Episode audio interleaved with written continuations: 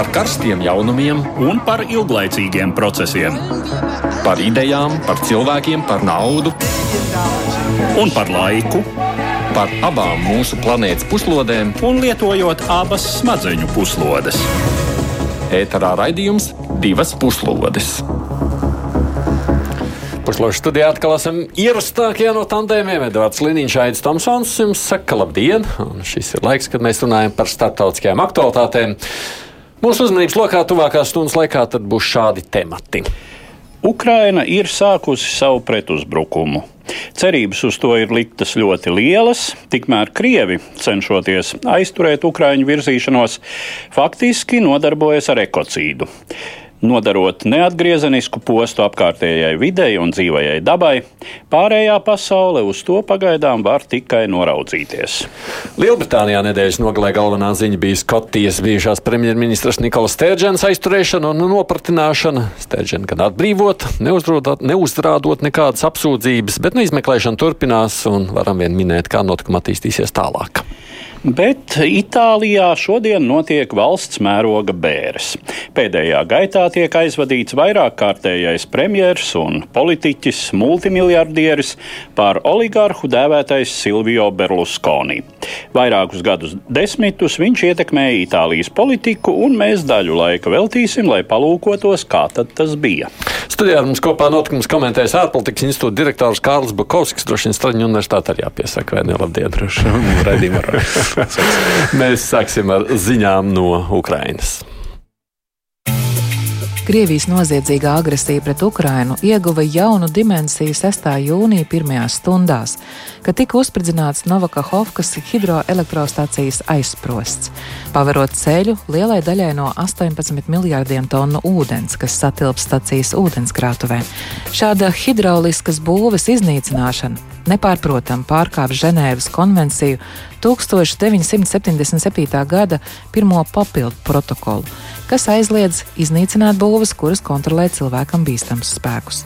Krievijas apgalvojumi, ka vainojama esot Ukrainas puse, neiztur kritiku, jo aizsprosta būve atradās okupantu kontrolē, un šādā veidā to iznīcināt varēja vienīgi ievietojot sprāgstvielas būvs iekšēnē.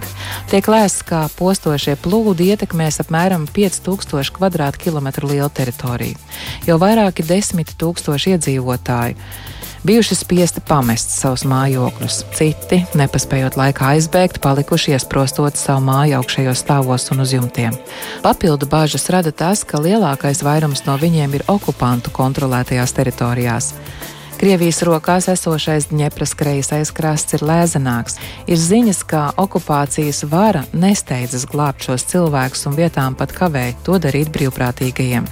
Vairākos gadījumos Krievijas militāristi apšaudījuši glābēju laivas. Pagaidām ir ziņas vien par dažiem bojā gājušajiem, taču ir ļoti iespējams, ka upuru skaits varētu pieaugt.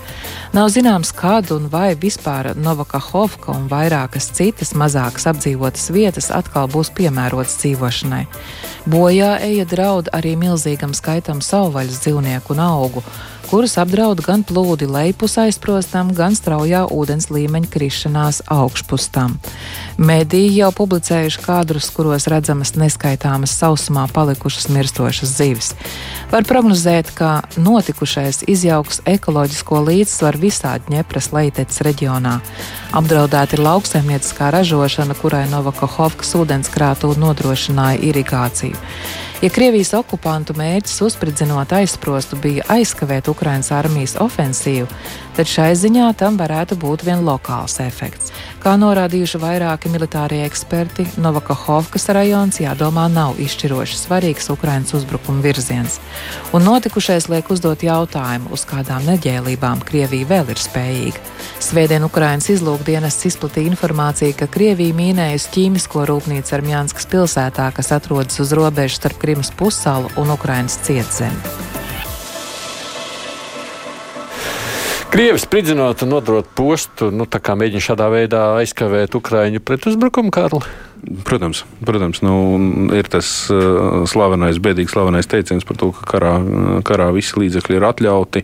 Nu, protams, mūsdienu kara vešanas uh, taktikas tiek lielā mērā ierobežotas uh, gan starptautisko normu, gan arī nu, elementāras izpratnes, gan arī to pašu mēdīju un imidžu veidošanas nolūkos. Jo, nu, ja mēs patīsim, kā saka, to vēstures lēntu atpakaļ uh, gadus 200, tad nu, civiliedzīvotāju slapjāt nevajag tik daudz. Civiliedzīvotāju slepkavošanas, uh, kara apstākļos, un sirošanas un, un izvarošanas ir, ir, ir, ir absolūti bijusi daļa no kara darbības vešanas. Nu, šobrīd ir tā, ka tomēr uh, šī savaldība, kuru gan vienam, gan otram karaspēkam vajadzētu, vajadzētu vismaz pret civiliedzīvotājiem ievērot, nu, viņi tomēr ir redzamāka bijusi lielā daļā konfliktu, ko mēs esam, ko mēs esam novērojuši pēdējos, pēdējās desmit desmitgadēs. Bet eh, tā pašā laikā, nu, protams, eh, jebkas, kas eh, uzbrucējiem palīdz uzvarēt vai atturēt pretuzbrukumu vai radīt papildus problēmas un izaicinājumus vai parādīt to, ka nu, mēs jums varam arī šādā un citādā veidā vēl postažu nodarīt, nu, priekš kam jums tas ir vajadzīgs, ko jūs tur vairs glābjat. Nu, tas jau viss ir daļa no šī psiholoģiskā kara vešanas taktikām, taktikām arī. Tāpēc, tāpēc protams, nu, no, no vidas viedokļa šis ir, šis ir, šis ir katastrofāli, bet, nu, diemžēl, arī šis nav pirmais gadījums. Nu, Sadams Huseins, kad pameta Kuveitu, aizdedzināja Kuveitas naftas atradnes, tur ekoloģisko katastrofu, kas tika izraisīta un gāja bojā gan putni, gan zīves, gan visa cita dzīvā radība arī bija milzīga. Nu, to mēs esam daudzreiz piedzīvojuši, kad izmanto šos civilos, civilos līdzekļus, lai nodarītu, lai nodarītu postību. Jā, bet šeit ir kāds strateģisks ieguvums tajā visā, nu, tādā ziņā kā tu, nu, priekšrocības izmest izsist ārā Ukrainai, vai nu, doma bija, ka varbūt Ukraiņi gatavojās izmantot šo. Uh, nezinu, Tas ir labs jautājums, posmu. jo uh, tieši tā ir apšaubāmi taktiskie ieguvumi. Uh, jo nu, ir skaidrs, ka tas ūdens jau pēc salīdzinoši neilga laika nokritīsies, pie kam uh, nu, vismaz teorētiski, pēc kāda laika varētu būt salīdzinoši daudz vieglāk šķērsojama. Tad savukārt tā upes daļa, kas ir vecās um, bijušās ūdenskrātuves. Nu, kamēr gan tur nožūst, jā, nu, jā nu, tā, par to, protams, ir jautājums, cik, cik drīz un kā, bet uh, tas, ka, teiksim, šādā veidā nu, varētu iegūt kaut kādas salīdzinoši īslaicīgas priekšrocības, uh, lai gan vispār bija diezgan apšaubāms, ka Ukraiņu spēki varētu mēģināt uh, šķērsot, forsēt Dņepru šai vietā, Leitecē. Bet jautājums ir jā, par to strateģisko, tieši par strateģisko pieeju, kur varētu būt šis moments iebiedēt radīt paniku civiliedzīvotājos, radīt viņos nedrošību.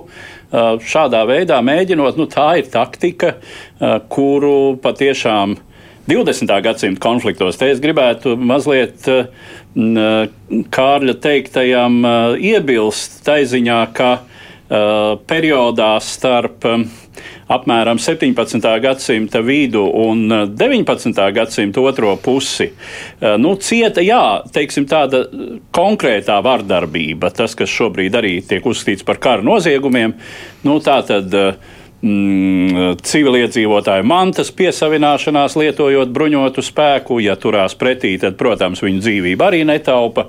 Seksuāla rakstura noziegumi, tas viss bija eh, ļoti tiešā kardarbības zonā. Un tad nāca lieliskais 20. gadsimts, kur sākumā tiek pieņemti pirmie Eh, kāra darbības vešanu regulējošie noteikumi. Un sākas mērķtiecīga civiliedzīvotāja eh, slepkavošana ar mm, eh, visiem militāriem līdzekļiem. Un otrais pasaules karš šeit, protams, ir apgājis kad uh, notiek šīs pilsētu bombardēšanas, pie kam to visplašāk dara valstis, kuras mēs saucam nosacīt par demokrātiskām. Jā. Tas, rietumu sabiedrotie. Rietumu sabiedrotie. Tas, ko amerikāņi un briti dara ar Vācijas pilsētām, nu, no tā.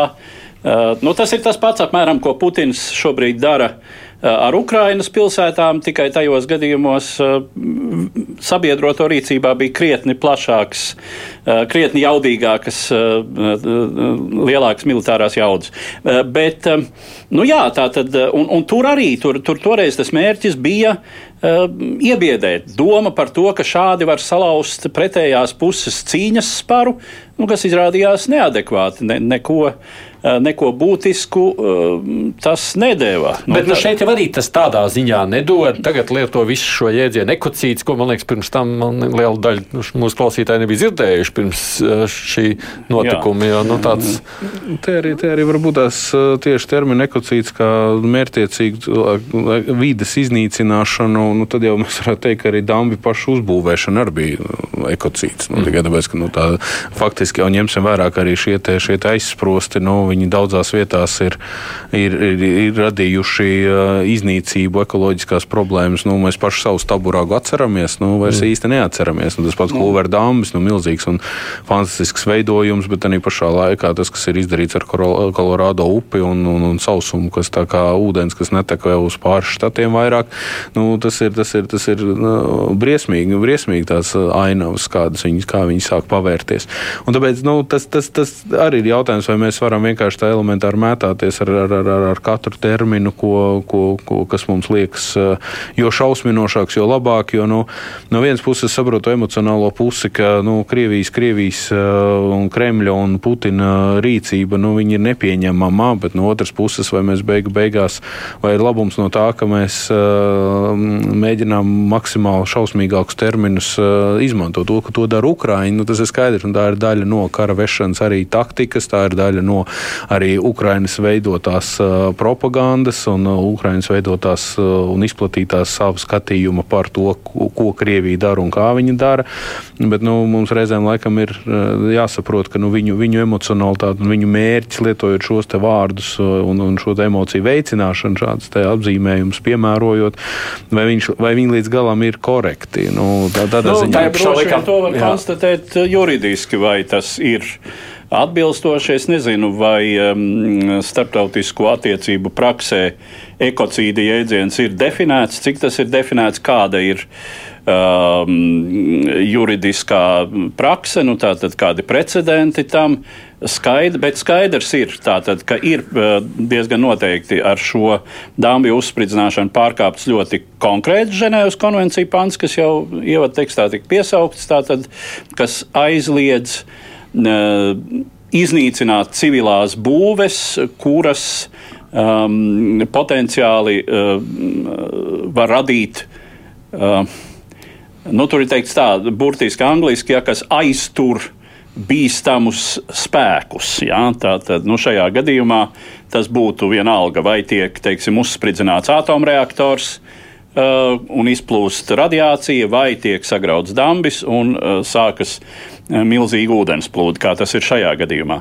Uh, nu, un, uh, un arī, nu, piemēram, teiksim, hektāri noklāti ar nosprāgušām zivīm uh, ir potenciāls bioloģiskais ierocis. Ja? Tur tas ir, tas ir nerunājot par smaku, bet šajā sevišķi šajā gada laikā, bet tās ir, tās ir potenciāli sērgas kas no tā var izplatīties.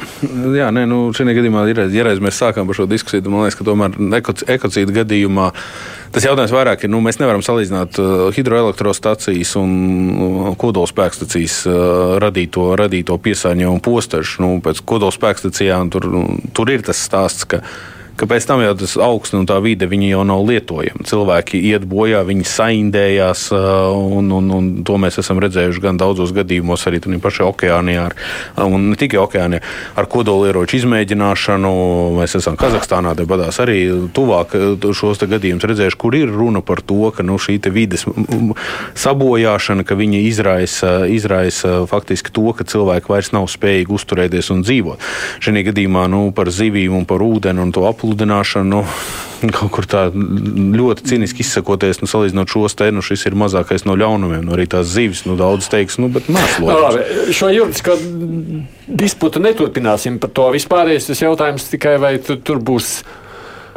Nu, vai par to būs kādā brīdī jāmēģina saukt pie atbildības vai nē? Nu, Pilnīgi noteikti. Nu, tā tad, ja ir diezgan jau šobrīd uh, konstatējams nu, manu, manuprāt, nesot juristam, protams, eh, manuprāt, diezgan nepārprotams šis eh, starptautisko kara tiesību pārkāpums.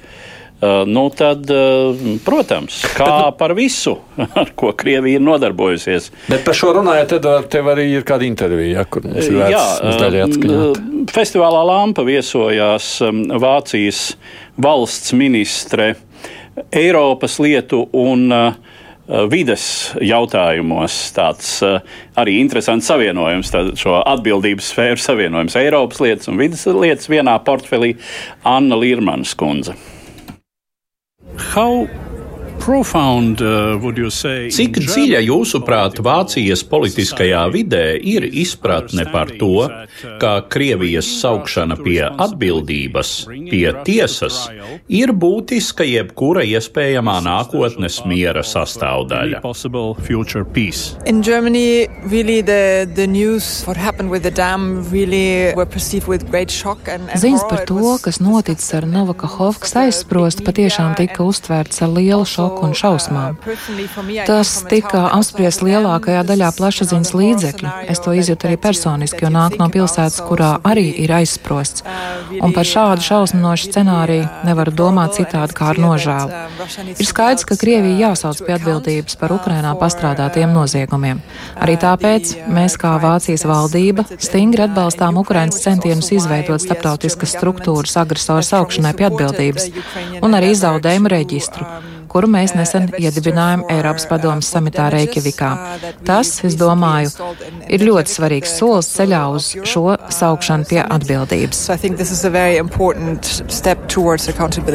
To some, uh, some recent point, it was, uh, let's say, Līdz nesenam laikam, kā kaut kas acīmredzams bija un bieži tika atkārtots, ka Eiropa ir nogurusi no paplašināšanās, ka jaunu dalību valstu uzņemšana rada arvien lielākas problēmas līdzšinējām dalību valstīm.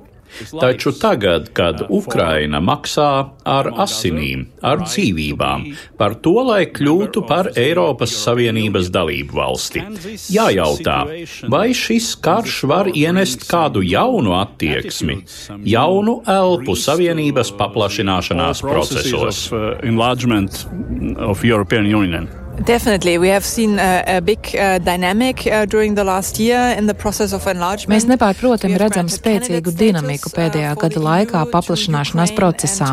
Mēs esam piešķīruši Eiropas Savienības kandidātu valsts statusu Ukrainai, kā arī Moldovai un arī Bosnijai un Hercegovinai. Un es noteikti varu apliecināt, ka visās Eiropas Savienības līmeņa sanāksmēs, kurās es piedalos, visās sarunās ar citiem Eiropas ministriem, viens no galvenajiem apspriežamajiem jautājumiem ir ir, kā mēs palīdzam tādām valstīm kā Ukraina un arī Rietumu Balkānu valstīm, lai tās iekļautos Eiropas Savienībā, lai īstenot šos ambiciozos standārtus. Un es jums piekrītu, ka Ukrainai šis tiešām ir vairāk nekā tikai kāds birokrātisks akts. Tā patiešām ir cerība bāka, šī perspektīva kļūt par Eiropas Savienības dalību valsti. Es to skaidri sajūtu, kad biju Kīvā pagājušā gada decembrī. Mēs sēdējām rada sēkā, kad sākās kārtējais gaisa uzbrukums, kārtējais nožēlojamais Krievijas uzbrukums.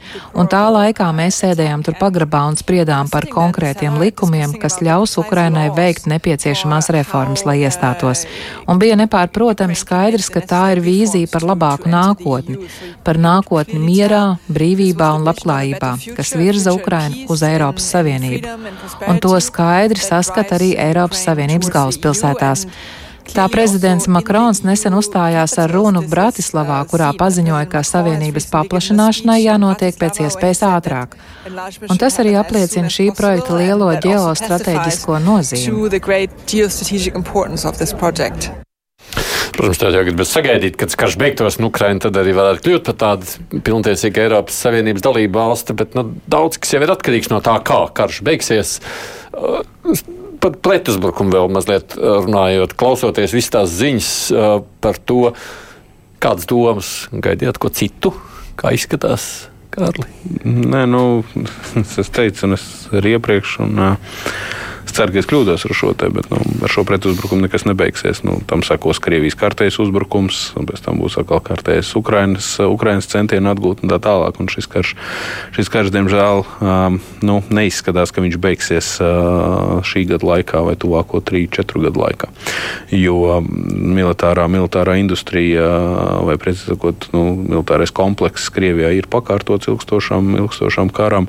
Um, arī, arī to, kādā veidā notiek gatavošanās un pakāpeniski nu, arī rietumu valstu pierašana pie tā, ka šis būs ilgstošs, ilgstošs process un to, ka nu, nu, man ir mm, ļoti grūti iedomāties, ka pat pie veiksmīga, nu, un tiešām novēlu un ceru, ka būs veiksmīgs. Uh, Ukraiņu, Ukraiņu pretuzbrukums, bet nu, Krievija pie tā apstāsies un pateiks, jā, nē, nu, viņi ir pārāk stipri, mēs vairs nemēģināsim. Nu, tas tā nenot. Nu, jūs varat iedomāties šādu scenāriju.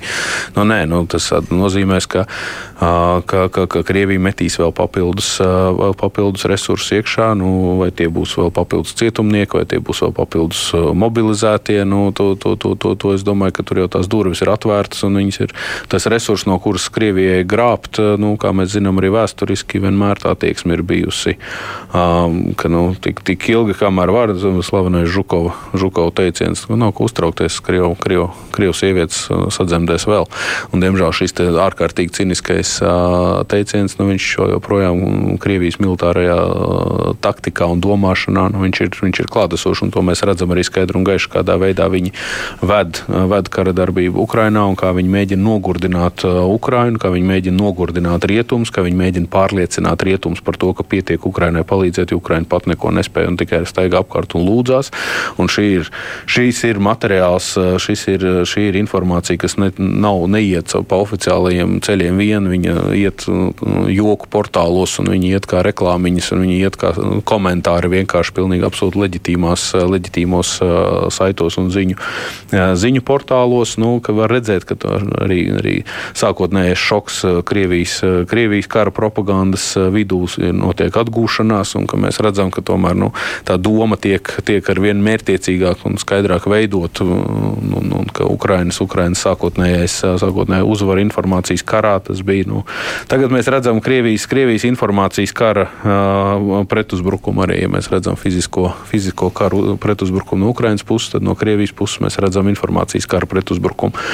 Un, um, tas, kas ir, tas, kas ir būtiski, ir, protams, ir jātur, jātur vērā, ka um, Ukraina, Ukraina tā teritorija, kurā notiek kara darbība, kas tiek postīta, vai tas būtu Hesi, vai tas ir uh, pilsētas, uh, kur, kuras vairs neeksistē, um, energoresursi, zemes, zeme, kas vairs nav, nav, nav, nav lietojama vismaz pagaidām, tā ir visa Ukraiņas teritorija. Nu, Krievijas gadījumā Krievijas teritorija netiek postīta.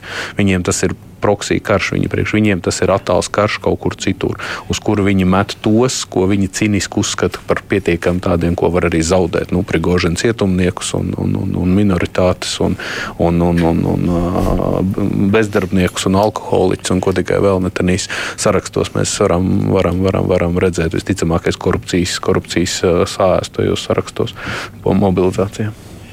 Nu, uh, Tā ir tāds pesimists. Nē, es tik drūmu ainu nezīmētu, lai gan runājot par termiņiem, es arī, mm, nu, teiksim, uh, neapgalvotu, ka tie būs mēneši vai ka tie nebūs gadi.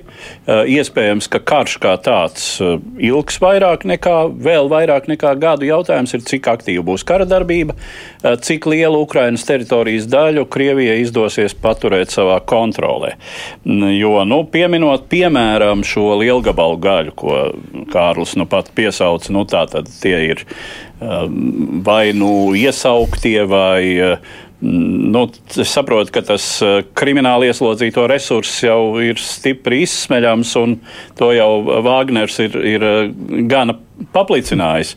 Nu, tur, tur, tur diemžēl, diemžēl tas, tas ir resurss, kurš vēl ir milzīgs pieejams. Jo Krievijā, Krievijā principā ir apmēram pusmiljons ieslodzīto, no kuriem tikai 80% ir sievietes. Tas nozīmē, ka lūk, visi pārējie 400 bet pār 400 tūkstoši. pārāk neiet vairs, tad iesaist, ne, ne, neatsaucas vairs. Jā, bet nu, viņš, viņš līdz šim ir tādā relatīvi miermīlīgā veidā viņus arī aicinājis un pierunājis, ka tur tomēr, ja mēs Jā, cietumnieku mobilizācija jau... jau kā tāda īsti nav bijusi, ir bijusi tomēr brīvā brīvprātīgi viņa iesaistīšana. Nu, piespiedu kārtā. Nu, un ir jautājums, cik piespiedu kārtā iesaukts cietumnieks ir tāpat kā vidusmēra Krievu iesauktais uh, ir motivēts uh, un līdz ar to spējīgs karotājs.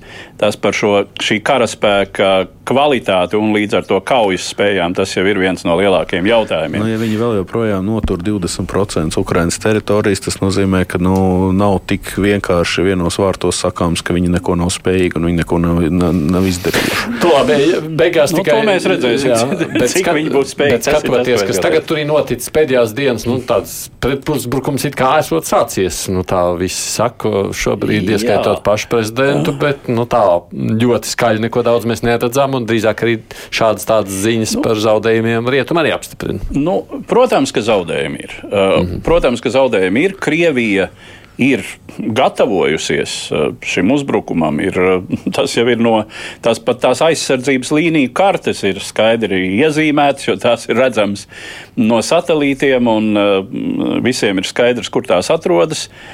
Ir šīs aizsardzības līnijas lielākoties ir jālauž ar tiešām brutāliem triecieniem. Tas nebūtu nav viegls uzdevums. Nevelti nu, parādās tas, kas jau arī visiem bija zināms, bet nu, te rietumu sabiedrotie nesteidzās pietiekami ātri Ukrainai palīdzēt, proti Ukrainai joprojām ir gaisa spēku deficīts. Jā, Krievijas aviācija baidās lidot iekšā dziļi Ukrainas teritorijā, jo baidās no Ukrainas pretgaisa aizsardzības, bet teiksim, frontes rajonos, nu, un, un tur, kur ir jāveic uzbrukumi, tur Ukrainai joprojām nav gaisa pārsvars. Līdz ar to tiem, kas aizstāvās, gaisa pārsvars nav tik būtisks, cik tiem, kas mēģina, mēģina uzbrukt. Nu, no otras puses, mēs jau atceramies, ka Arī tad, kad tika veikta šī sekmīgā uzbrukuma operācija, um, atbrīvojot Helsinas apgabalu, tātad Dņepras labo krastu, nu, arī uh, diezgan ilgu laiku nebija tādas. Uh, Un tas jau ir tā, ka mēs šobrīd, skatoties uz pasaules, otrā pasaules kara kartēm, uh, un redzot tās būtiņas, mums šķiet, ka nu, tā tad tur bija uh, artērijas sagatavošanās, tad gāja tanki, izšķaidīja visu savā ceļā. Bija jau tādi gadījumi arī, bet ļoti bieži tur jau arī sākotnēji nebija īsti skaidrs, kas notiek, cik ir ātra vai lēna virzīšanās. Uh, šobrīd pārāk ir jau atsakot. Nu, šobrīd, šobrīd it kā, it kā teiksim, ir uh, daži frontes sektori, kur var runāt par to, ka šķiet Ukrainas spēkiem izdodas uzirdināt to Krievijas, eh, Krievijas aizsardzību. Nu, un ir savukārt sektori, kur Ukrainas spēki notur Krievijas pārsvara spiedienu. Eh, bet eh, nu, atgriežoties pie tā, cik ilgs būs karš, nu, Krievijas armijas spējas rāda Bahmuta kur tā tad atgādinot faktus, deviņus mēnešus ilgi šo pilsētu um, mēģināja ieņemt, nu tad galu galā Ukrāņu spēkus izspieda no faktiski pilsētas drupām. Tur nekas no tās pilsētas vairs nav palicis. Uh, un tā statistika esot tāda, ka uh, par katru pusmetru uh, pavirzīšanās uz priekšu uh, statistiski, statistiski ir zaudēta viena, nu, šī nesevišķi vērtīgā pamatā, ja krimināla ieslodzītā vai, vai nu, teiksim, mobilizētā vai sevišķi no tām tautas republikām tā sauktajiem, tā sauktajām iesaukto, bet viena cilvēka dzīvība. Šādā veidā nu, eh, šito pat Žukovs neatļāvās. Eh, nu, tā, nevarēja atļauties otrā pasaules kara laikā. Tur bija jābūt rezultātam, saprot. Tur bija jābūt kaut kādam Ai, nu, labi, nu, jā, nu, bet atkal, jā, nu, rezultāts, ja mēs skatāmies no uzbrucēja viedokļa, tad rezultāts, rezultāts šobrīd ir tāds, ka nu, par Krimu karš nenotiek.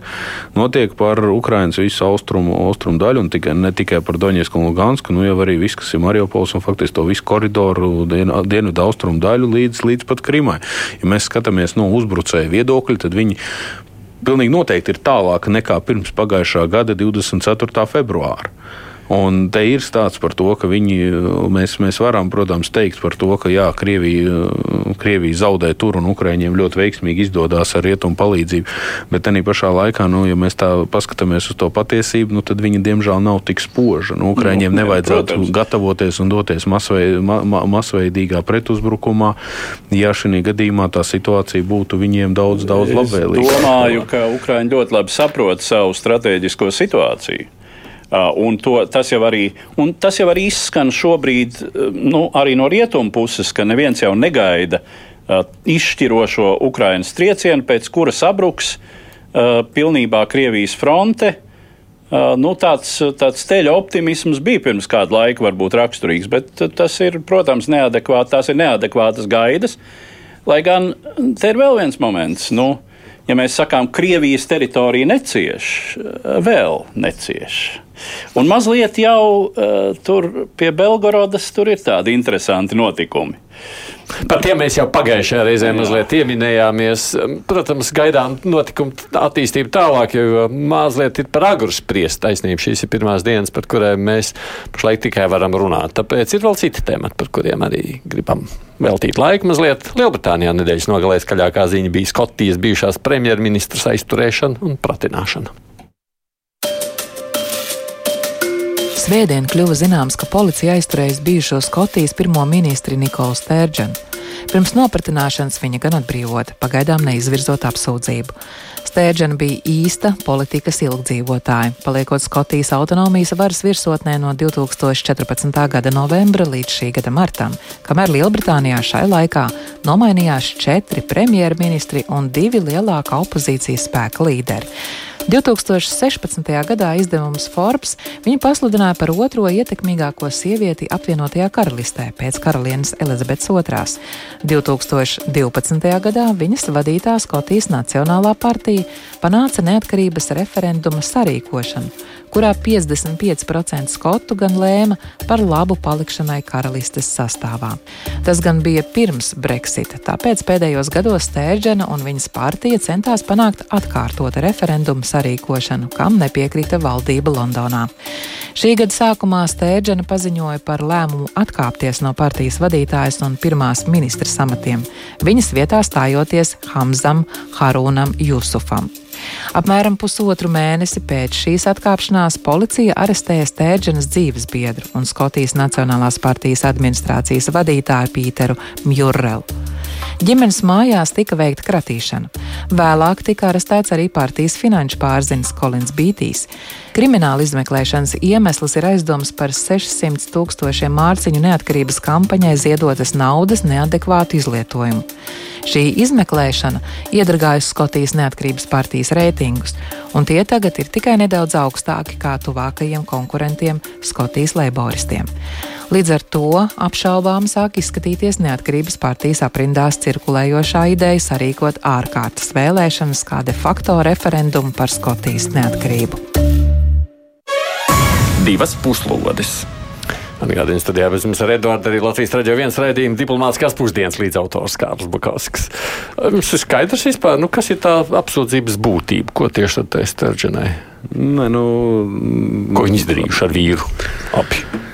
Nu, vai, vai nu no ar vīru, vai, vai ar vēl kādiem kopā. Nu, tā tad neadekvāts finanšu izlietojums, vai tur ir grāmatvedības uh, noteikumu pārkāpumu vai kas cits. Jā, eh, tā ievada tekstā drusku neprecīzi tā tulkojot tieši eh, tas, ko angliski sauc arrest. Jā, nu tās arī abu pārējo pagaidām vēl. Es pat nezinu, vai aizdomās turamo, bet nu, tā tad abu pārējo figurantu gadījumā, nu, tā tad Stērģenes dzīves biedrs un šis mm. partijas kasieris aizturēti, ir aizturēti, nopratināti un, un pēc tam palaisti vaļā. vaļā. Bet skatoties, tomēr, kas tā vispār par naudu? Tā ir budžeta nauda, tas ir kas? Ziedojumi. Ziedojumi. ziedojumi. Tātad ziedojumi partijai. Jā, jā. Ziedojumi partijai, jā. Un kur tos aplami var izlietot, nozīmē, tur tas mērķis. Nu, personīgiem, personīgiem tēriņiem tas jau primāri ir tas, kur vienkāršākais. Neadekvāti un partijas mērķiem. Jo, nu kā, nu, partija, tad, kad ziedo partijai vai kādai organizācijai, tiek ziedots ar mērķi, ka viņi tomēr būs nu, tiks izlietots kaut kam. Nu, mēs esam redzējuši, ka arī Amerikā šiem partijām ziedo. Nu, tur ir ierobežojums, neatkarīgs nu, tieši tā, nu, nevar, nu, nevar, nu, nevar izdomāt, ka nu, man mājās gribās televizoru, tāpēc es paņemšu no šīs saziedotās partijas kasītes naudu. Nu, un sev nopirkšu televizoru. Nu, tā ļoti vulgarizējot šo, protams, bet eh, nu, tas, tas ir parasti tas, kas ir tas centrālais jautājums. Bet eh, nu, var arī nebūt tik, var, varbūt arī tie, šie naudas līdzekļi, piemēram, izmantoti nu, finanšu spekulācijās, akciju pirkšanās vai kaut kas tamlīdzīgs ar domu, ka nu, nauda aizņemās, nu, pēc tam es atlikšu vietā, jo man to naudu vajag no bankas ņemt negribu. Grūti procentu un vispārējais, nu, reku, kastīt, kastīt, kasīt ir, kastīt ir, nu, paņemšu no turienes, pēc tam atlikšu atpakaļ. Nu, tā ir diezgan rupja varianta, ko tu saki, bet tas varētu būt, pieņemsim, nu, ziedo referendumam, tad tu izlieto kaut kādas, nezinu, sociālajai lietai. Nu, vai, nu, nu, tas arī nu, ir iespējams, ja tas, ja tas neatbilst deklarētajiem mērķiem, un jā, tiešām, teiksim, ir ziedots vienalga, nezinu, Edinburgas teātris festivālam. Mm. Nu, jā, es, tagad, es vienkārši domāju no tāda viedokļa. Man, man nav nekādas informācijas par to, kas konkrēti ir nepareizi darīts, jā, un es arī presē īsti neatradu. Protams, tur nav tā ziņas, tāpēc, ja nu, nopirktu televizoru, visticamāk, viņi jau būtu arestēti, vai ne?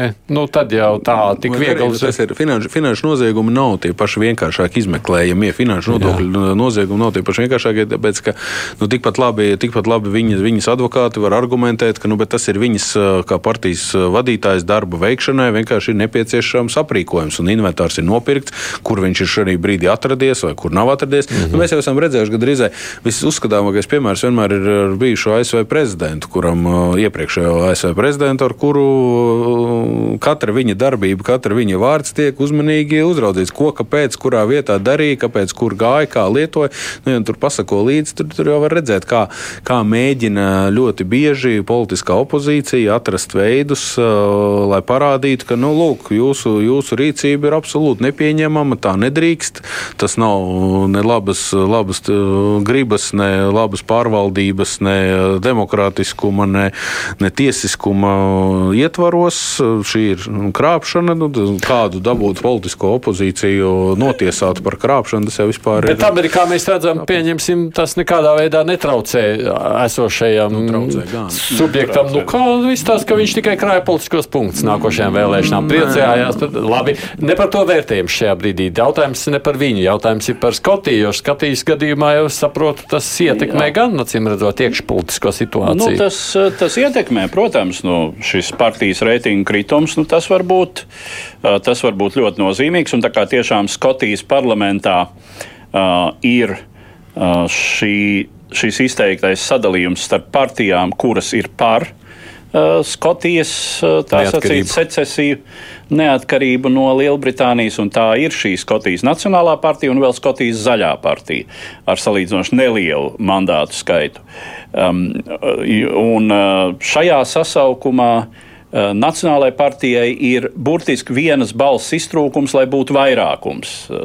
Jā, tur no 129 vietām viņiem ir laikam 64 vai 65, 64. Jā. Uh, un uh, savukārt tad, tad zaļie ir ar viņiem koalīcijā arī vairāk vai mazāk atbalsta, bet pārējās trīs partijas, nu, kas ir lielo Britu partiju filiāls, faktiski tie ir leiboristi, tie ir konservatīvie un tie ir liberāli demokrāti.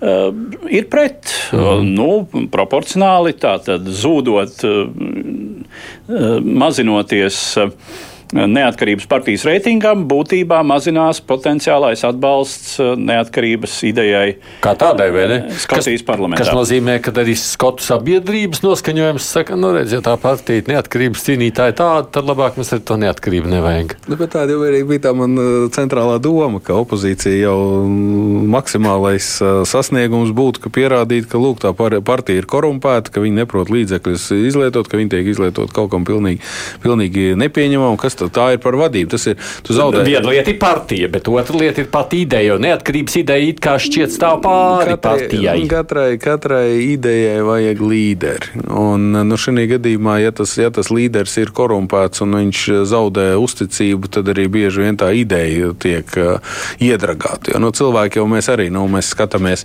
skatāmies uz kādu mūziķi, uh, kurš, kurš raksta labu mūziku, un pēkšņi viņš izdara, izdara šausminošus noziegumus, un tajā brīdī mēs arī to mūziku tā īstvers līdz galam pat nu, nu nu, jā, bet neatkarības ideja man likās, nu, Latvijā, es nezinu, jā, nu, neatkarības ideja būtu grūti apšaubīt pat, lai ko tur kādu vienu vai nu, otru partiju. Tā nav, tā nav gluži nav Latvija. Tā nav gluži Latvija, tieši tā. Nu, Latvijā tomēr vismaz tajos izšķirošajos brīžos, kad bija runa par valstiskumu, nu labi, teiksim, vēsturiski par 18. gadu, tur nācās nācās pāris gadu laikā šai valstī pierādīt gan savu dzīvotspēju, gan teiksim, arī nostiprināt šo ideju, neatkarības ideju nācijas prātā, jo tā bija pirmreizie, pirmreizēja un tiešām no vēsturiskā viedokļa ļoti pēkšņi tapusi ideja.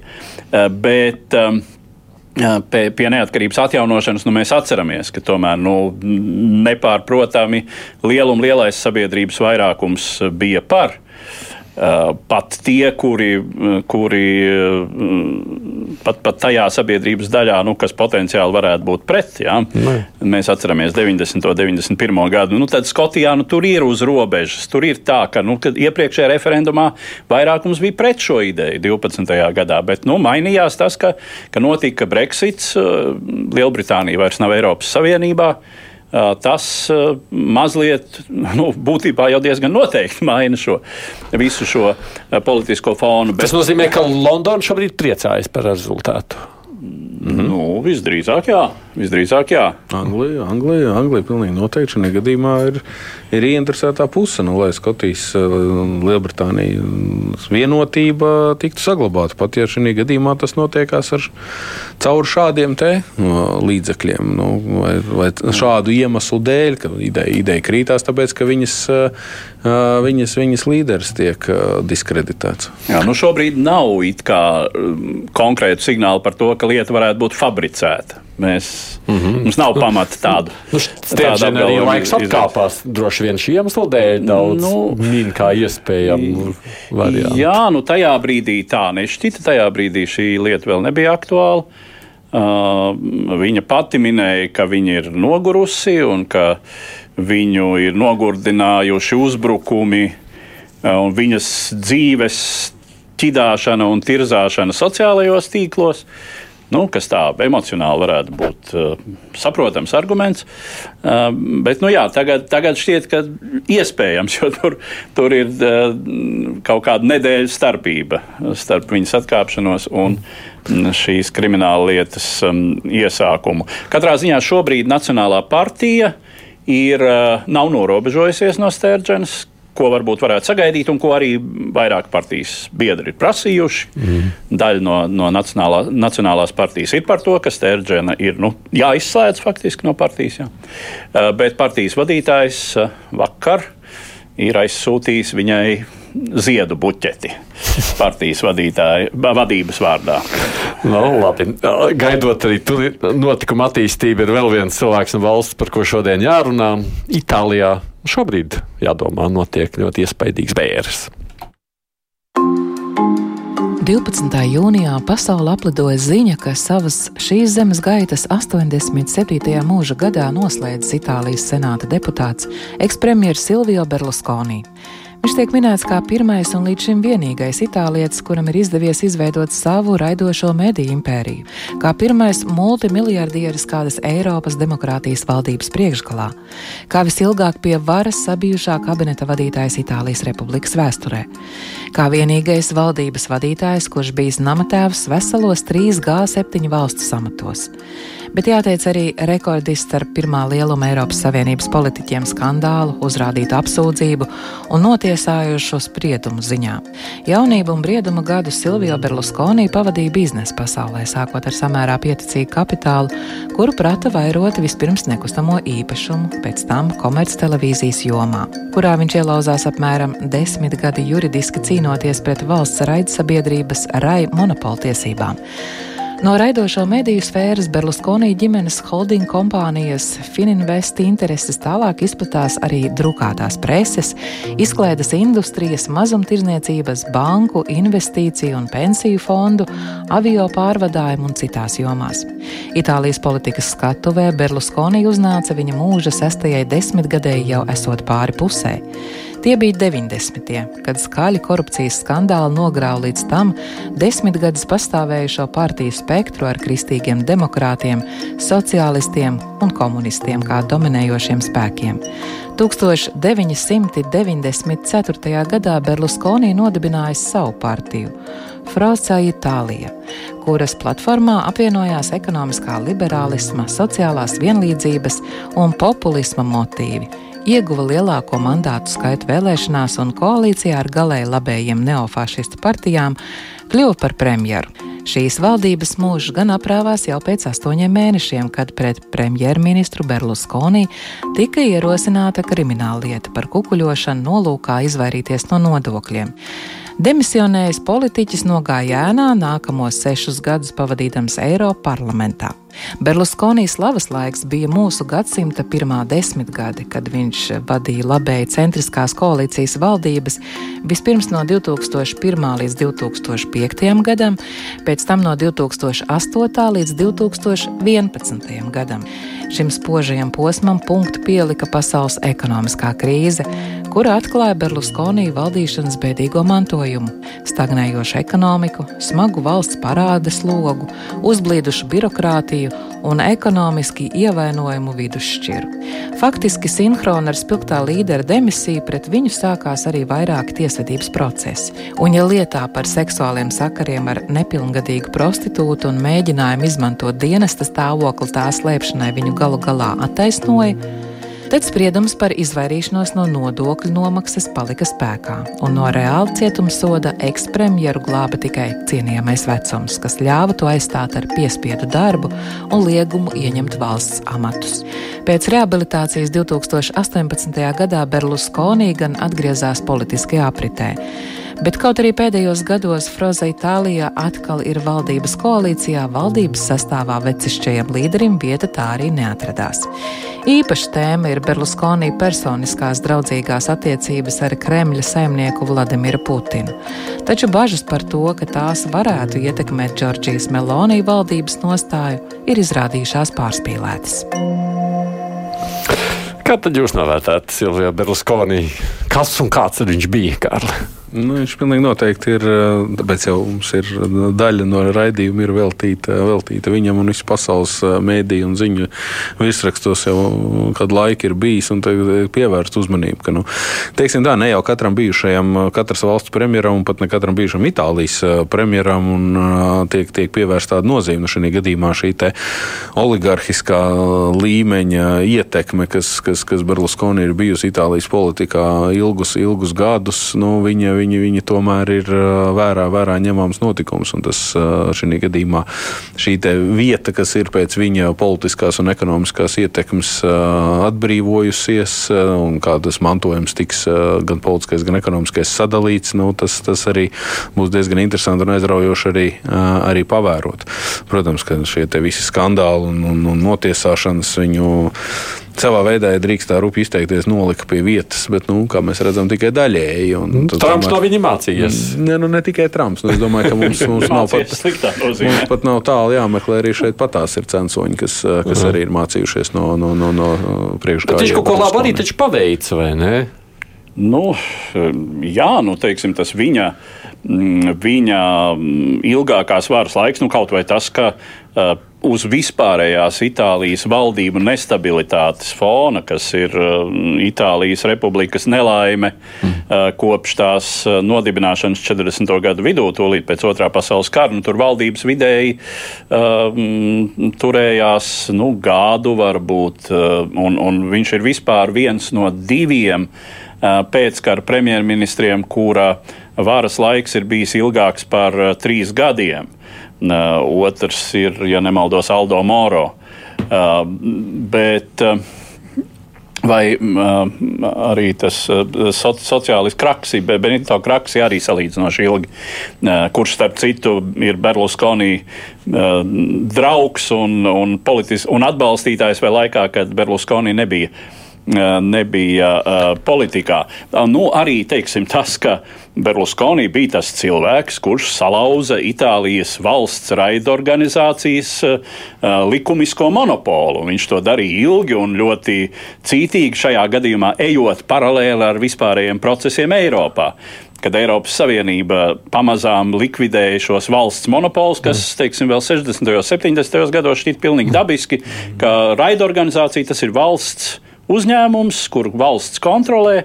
Nu, protams, jā, demokrātiski valsts arī kontrola demokrātiski, bet, bet tomēr nu, valsts, jā, privātais netika ielaists vispār privātais kapitāls.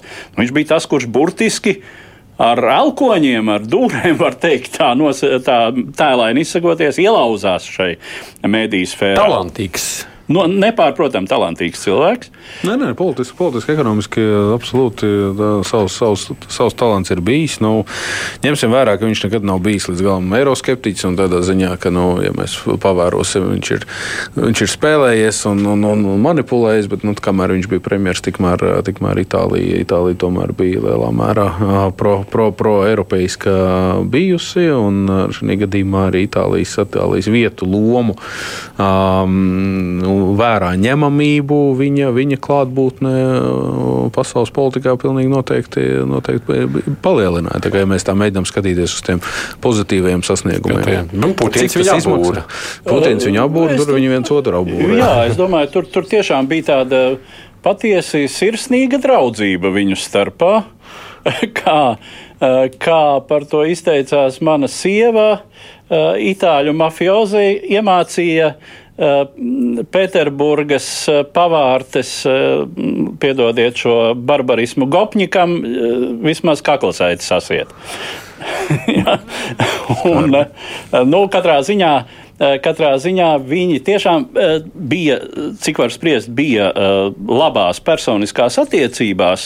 Un, protams, sevišķi jau vecuma galā, nu, tas, ko Berlusconi pēdējos gados, pēdējā, sevišķi pēdējā gada laikā muldēja par Ukrajinu, nu, Nu, tas, ir, eh, tas ir, protams, jau zem tā sacīt, pieļaujamā līmeņa. Bet Berlusconi jau Itāli, Itālijas politika vienmēr ir bijusi, lai cik nebūtu paradoxāli, viņi ir vairāk anti-amerikāniski nekā anti Jā, un Berlusconi nebija anti-amerikānisks. Tas ir nebija anti-amerikānisks, jā, jā. bet viņš vienlaicīgi bija arī pro-putinisks un pro-krievisks. Un arī gadījumā tas ir tas, kur viņš konsekventi arī pieturās. Nu, jā, viņš, viņš varbūt visdrīzāk, viņš, eh, ja tā runā, bija antivācisks savā savās izpausmēs. Viņam, eh, viņam nepatika, nepatika Vācija kā tas Eiropas Savienības spēlētājs, sevišķi krīzes periodā, kurš sauca pie finanšu disciplīnas, un tas bija tas viņa, viņa galvenais domstarpība avots ar Angelu Merkeli, kuru, nu, spriežot pēc nopludinātu telefonu sarunu satura, viņš diezko nav varējis ieredzēt. Un kas tagad notiks ar viņu partiju? Gan drīz tas pats, kas notiekās ar visām, visām partijām, kuras, uh, kuras ir vadījis faktiski un kuras ir bijušas lielā mērā atkarīgas no finansiālās un uh, labvēlības un politiskās izveicības no viena cilvēka. Nu, šī gadījumā nu, šobrīd, šobrīd tas turpinājums būs uzreiz, uzreiz uh, slēgt ciet. Viņu noteikti neslēgs, nu, tomēr arī valdības partija. Un, bet nu, tas, tas, ka iekšējās, iekšējās cīņas par varu un pārgrupēšanās un pār pārorientēšanās. Tā notiksies, tas jau ir, tas jau ir klasiski pieredzēts daudz kur, daudz Citu. kur citur. A, ko vēsture teiks vispār par viņu nākotnē? O, teiks, nu, Bija teiksim tā, nelā, nu, kā par visiem, protams. Uh, ne, nu, droši, droši vien teiks kaut ko līdzīgu, ko mēs sakām un ko Latvijas vēsture teiks par Andriu Šķēli. Uh, dažos momentos viņa rīcība ir bijusi nozīmīgs stabilizējošs faktors. Dažā ziņā viņš nav veicinājis uh, politiskās kultūras uh, Eiropas standārtu nostiprināšanos šai valstī. Bet nu, droši vien par politisko svaru un ietekmi, liekam, šķēli ar, ar Berlusconi nevarētu nekad salīdzināt. Jā. Kādā ziņā? Nu, ne, nu, mērogi nav salīdzināmi. Protams, nu, Itālija ir pavisam cita lieluma valsts. Jā, un arī ilgums droši vien, ne? Ietekmes ilgums. Nu, paga, paga, paga, apmēram paga, tā desmit gadi, jā. Desmit, tā stingri ņemot, jo bija tas uzplaiksnījums Berlusconi 90. gadu vidū, pēc tam sešu gadu uh, faktiski aiziešana perifērijā. Nu, un tad tā desmitgade, tā spožā desmitgade. Es gan automātiski laikam aizdomājos drīzāk līdzības ar, ar, ar, ar, ar, ar Ventspils. Jā, tikai tāpēc, ka tas tā, tā, tā, tā redzamā personība, tā runāšana, tā spēlēšanās un koķetēšana ar pilnīgi visu, un arī cietuma process, tas tomēr ir. Kārlis Bakovskis ir Latvijas radio viens raidījuma diplomātiskās pusdienas līdzautors, ārpolitikas institūta direktors, Sariedos Liniņš, Aits Tamsons, šis studijā producēja Evi Junām, tiekamies pēc nedēļas, saku visiem visu labu!